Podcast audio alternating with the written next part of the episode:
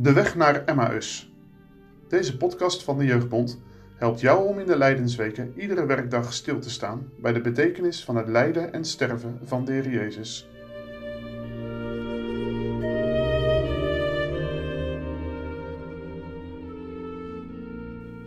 Wat fijn dat je luistert. We willen graag meer jongeren zoals jij bereiken. Help je ons mee door deze aflevering te delen via WhatsApp of Instagram? Het is vandaag donderdag 5 maart. Het gaat over wie luistert. We lezen Exodus 2, vers 23 tot 25. En het geschiedde, na vele deze dagen, als de koning van Egypte gestorven was, dat de kinderen Israël zuchtten en schreeuwden over de dienst.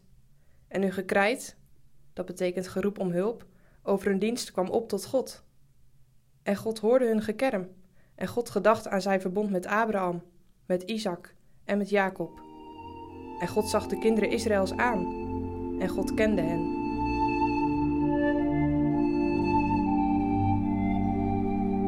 Luistert er eigenlijk wel iemand als jij tot over je oren in de problemen zit? Soms kun je dat gevoel hebben. Niemand luistert er naar mij, terwijl je het zou willen uitschreeuwen. Misschien doe je dat ook wel. Maar wie hoort je? De mensen van Israël roepen ook. Ze huilen, ze schreeuwen. Maar heeft het wel zin? Jozef, de onderkoning die Egypte te eten gaf, was gestorven. De farao van toen ook. Helemaal uit het geheugen verdwenen. Niemand dacht er meer aan. En het volk groeide en groeide. De angst daarvoor leidde tot onderdrukking. Er is niets nieuws onder de zon, want zo reageren mensen heel vaak. Angst leidt tot slechte dingen. De mensen van Israël lijden eronder. Dit is zo zwaar. Denk je eens in. En waar is hun God? Dacht God eigenlijk nog wel aan hen?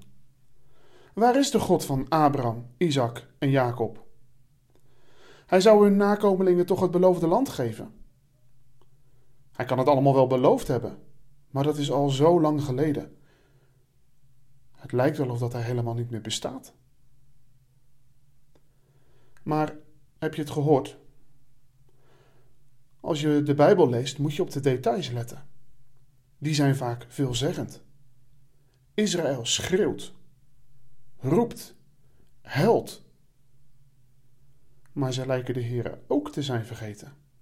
Compleet weg uit hun geheugen. Maar dan lees je iets dat echt ontzettend mooi is. Het is bemoedigend. Ook voor jou. Als je het uitschreeuwt zonder dat je het idee hebt dat iemand luistert. Het geroep en geschreeuw klimt, letterlijk, op tot God. Hij hoort het. God denkt aan zijn verbond. Het volk is hem vergeten, maar hij is hen helemaal niet vergeten. Hij is de belofte ook niet vergeten, want hij heeft een plan met dit volk.